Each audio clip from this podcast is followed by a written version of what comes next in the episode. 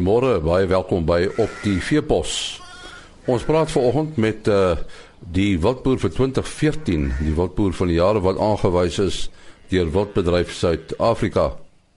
En dan voels en beeste saam in een boerdery. Ons uh, gesels nou met Pieter Lamprecht van Crown Breeders.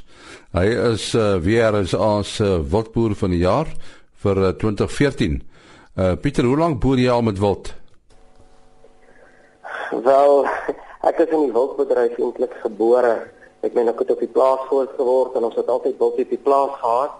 So ek het intensief met wild begin teel. Kom ons sê gewone spesies. Ja, eintlik soos ek sê van ek 'n kind af is maar intensief met skaars spesies vir die laaste 7 jaar. En, en hierdie skaars spesies wat jy van praat, uh, watter soort wild praat ons nou van? Swart witpens, buffels, swart rooibok, goue wildebees, wit rooibok, goue gemsbokke. So dit is ook die kleurvariante. Dis korrek. En uh die die, wat boerdery uh, was dit maar meer vir trofeejag wat jy dit gedoen het? Tot op hier het ek meeste trofeejag gedoen. Alhoewel ehm um, die bulle wat nou vanaf die top teelbulle wat ek gebruik in kom ons sê nou in wording is die bulle gaan ek nou aanwet wat ek nou in die mark gaan sit wat mense weer kan van die bulle aankoop en vir hulle genetika kan verbeter op hulle kuddes. So jy beweeg nou in die teelwêreld in. Ja nee, definitief is ek in die teelwêreld. En Pieter, watter omgewing boer jy met wild? Ek is hier tussen Tabazimbi en Alice Rast in die Matlebaster rivier. Ja, dit is eintlik maar bosveld, nee, natuurlike gebied vir die wild. Dis korrek. Ja, dit is natuurlik en is natuurlik min bosluise ook. Weet tot op hier het ek nog nooit eendag nodig gehad om enige dipstowwe te gebruik nie. En ek dink wat redelik daartoe help is natuurlik ons het baie van hierdie bosluisvoeltjies, ek sê renostervoeltjies wat baie help vir daai. Dit lyk my jy eh, jy doen bestuiving eintlik op 'n natuurlike manier, soos jy praat van die die renostervoeltjies en so aan. Dis korrek. Ek probeer so ver moontlik, dis hoekom ek wisselweiding op die kampe ook doen vir parasitietbeheer. Ek dink dit help definitief en vir jou bosluisbeheer help dit ook baie. So maak jy net van weiding gebruik of uh, gee jy aanvullende voedsel ook? Ek gee definitief aanvullende weiding. Dit ehm um, help om die bokke se kondisie deurentyd in die jaar goed te hou, so met ander woorde jou diere wat in produksie is se kondisie is beter vir jou jou kalfinterval word ook beter. Wat wat siektebeheer betref, jy het nou gesê jy het nie bosluise en so aan nie, maar wat van wat van ander siektes? Ehm um, daar is ek nie soos by enige skaap of beesvoer of wat ook al en selfs by enige wildvoer is daar maar parasiete teenwoordig. Ek het 'n laboratorium hierso wat ons dan mismonsters ontleding van elke kamp diere ten minste een keer 'n maand doen en dan daarvolgens word daar dan word die diere behandel indien nodig. Nou wat is beslis nie beeste nie. Hoe doen jy die dosering vir wild? Daar 'n mens kan dit op 'n paar maniere doen. Eerstens kan ek dit in die water sit as sekere in naam van endotype, dit kan 'n mens in die water. Skies Mexicare is dit wat jy in die water sit en dan is daar wat 'n mens hierdie kos kan vir hulle ook ingee en dan is daar ander wat kom ons sê waar mense nou hardnekkige parasiete het kry mense die veearts in en dan word uh, die dier dan oraal gedoseer. Nou ons het al reeds gesê die gebied waar jy boer is is tipiese bosveld omgewing. Wat doen jy onder redelike droë toestande want jy het seker onlangs 'n droogte gehad? Ja nee, ons het definitief droogte gehad. Ons het eintlik 'n goeie seisoen tot Februarie gehad en toe die droogte definitief toegeneem. Ehm um, die belangrike ding is kom ons sê op die oop plase op die oop gedeeltes van die plase, daar moet 'n mens seker maak dat jou getalle van jou wild korrek is vir die hoeveelheid hektare en dan vir jou diere wat in jou kamp is moet 'n mens reg deur die jaar soos dan nodig dan aanvullende kos ook gee. Hoe hoe hou jy jou uh, wildgetalle in toom? Ehm um, dis hoekom ek ook in die jagbedryf is, so op die oop plase word ehm um, buitelandse jagters word ingebring en hulle dan beheer dan die getalle van jou wild. Daar is ook klagtes van die plaaslike jagters, die Suid-Afrikaanse jagters, dat dit nou redelik duur word om, word om wild te skiet. Is dit so daar by jou? Kyk, ek is vir die afgelope 20 jaar om presies te wees in die buitelandse bedryf. So ek het glad nie plaaslike mense wat by my kom jag nie. Die tariewe het definitief aangepas. Ehm um, ek dink die tariewe het redelik, kom ons sê in die laaste 5 jaar het dit redelik gestagneer en daar het definitief 'n aanpassing in die laaste jaar gekom met die tariewe van die wild wat die plaaslike jagters dan nou jag wat definitief opgegaan het. Uh uit die aard van die saak kwoteer jy seker 'n dollar vir die buitelanders. Dit is korrek. So dit dit, dit beteken vir jou baie as die wisselkoers uh, vir Suid-Afrika ongunstig is. Ja, nee, dit is definitief 'n feit. So maar dit kan alles in so draai en dan is dit ook nog nie gunstig nie. Uh, wat is jou toekomsplanne Pieter? My toekomsplanne is uh, in die wildbedryf as ek meen ek dink daarso is ongelooflike geleenthede wat 'n mens dan kan uitbrei en verskeie spesies nog kan bysit en natuurlik maar die belangrikste ding is top genetika 'n mens jou kudde wat jy het beter en beter genetika kan bybring dan maak raak jou diere van uitstaande kwaliteit en dit werk twee kante toe. Aan die een kant werk dit om top teeldiere te kan produseer en aan die ander kant die diere wat nie top teeldiere is nie vir die jagbedryf dan sit 'n mens met goeie kwaliteit trofees wat jou buitelandse jagters kan kom jag. Nou hierdie kleurvariante, die kleurvariante is nog nie so gewild om te skiet nie, né? Nee.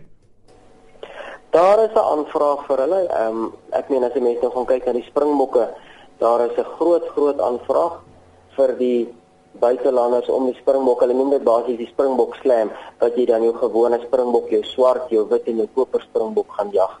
En uh, dan by die taxiderms maak hulle mooi pedestal en dan word al vier die springbokke gemonteer. So uh, dis definitief goed aan aanvraag. Die swart rooi bokke, ja, die pryse is op hierdie stadium bietjie moeilik, maar dit is reeds 'n erkende spesies op Safari Club International, wat die grootste jagorganisasie in die wêreld is. Uh so daar is definitief 'n vraag na daai. En dit is natuurlik ook as jy mense het met diere wat moontlik onvrugbaar is of dan ouer diere, is dit natuurlik 'n goeie manier om dit optimaal te kan benut. En nou Pieter, watter watter rol dink jy kan die wildbedryf speel uh, in terme van voedselsekuriteit? Definitief 'n groot rol. Ehm um, as jy mense kyk, ek praat deur die afgelope kom ons sê die afgelope 5 jaar sit ek met 'n gemiddeld van so ten minste 40 ton vleis wat ek verkoop en daai vleis word ehm um, aan slaghuise verkoop en hulle gebruik daarin. Pieter, jy jy hou dan seker veilinge ook. Dis reg. Tot op hier het ek meestal uit die hand uit verkoop, maar ons het laas jaar lid geword van 'n groep genaamd Bloodline Africa wat tot stand gekom het en uh, hierdie jaar 13 Junie het ons ons eerste veiling by Saba Manzi waar ons dan van die gesogte genetika wat ons het soos byvoorbeeld nou Rapella wat op hierdie stadium die grootste matesie binne Suid-Afrika en ook dan 'n Horizon wat op hierdie stadium die grootste buffelbil in wat in ehm, 'n um, projek gebruik word vir genetika beskikbaar gaan stel. Is dit 'n katalogus veiling? Dis 'n katalogus veiling, dis korrek. Uh, Pieter, jou uh, telefoonnommer? Is 082 3720598. Sê hom weer. 0823720598.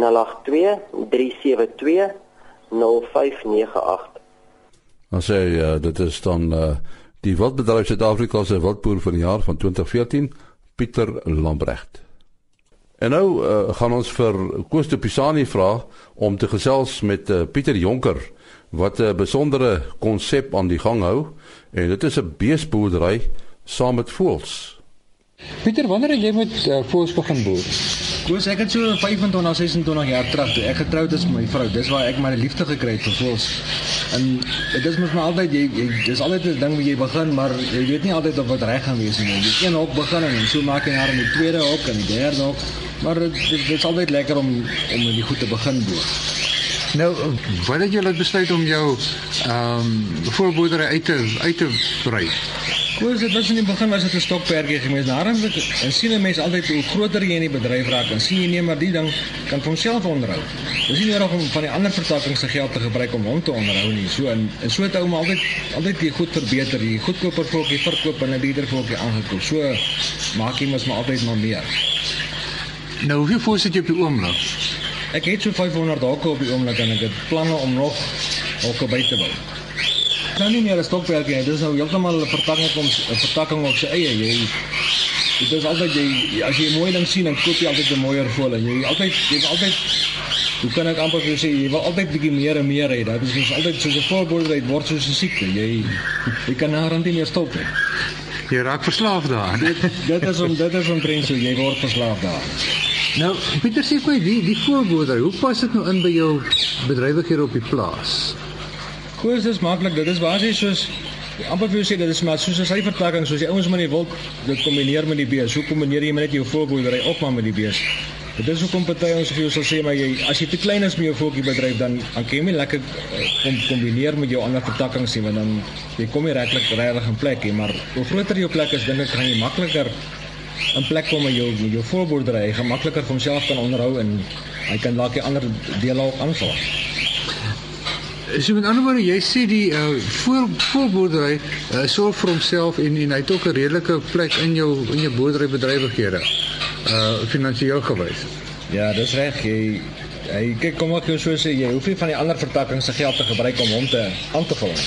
Jy kan makliker van hom gebruik om om vir jou ander vertakkings aan te vul van die voorboerdery. En en en jou tyd jou uh, is voorboerdery 'n baie tyd uh, tydrowende besigheid?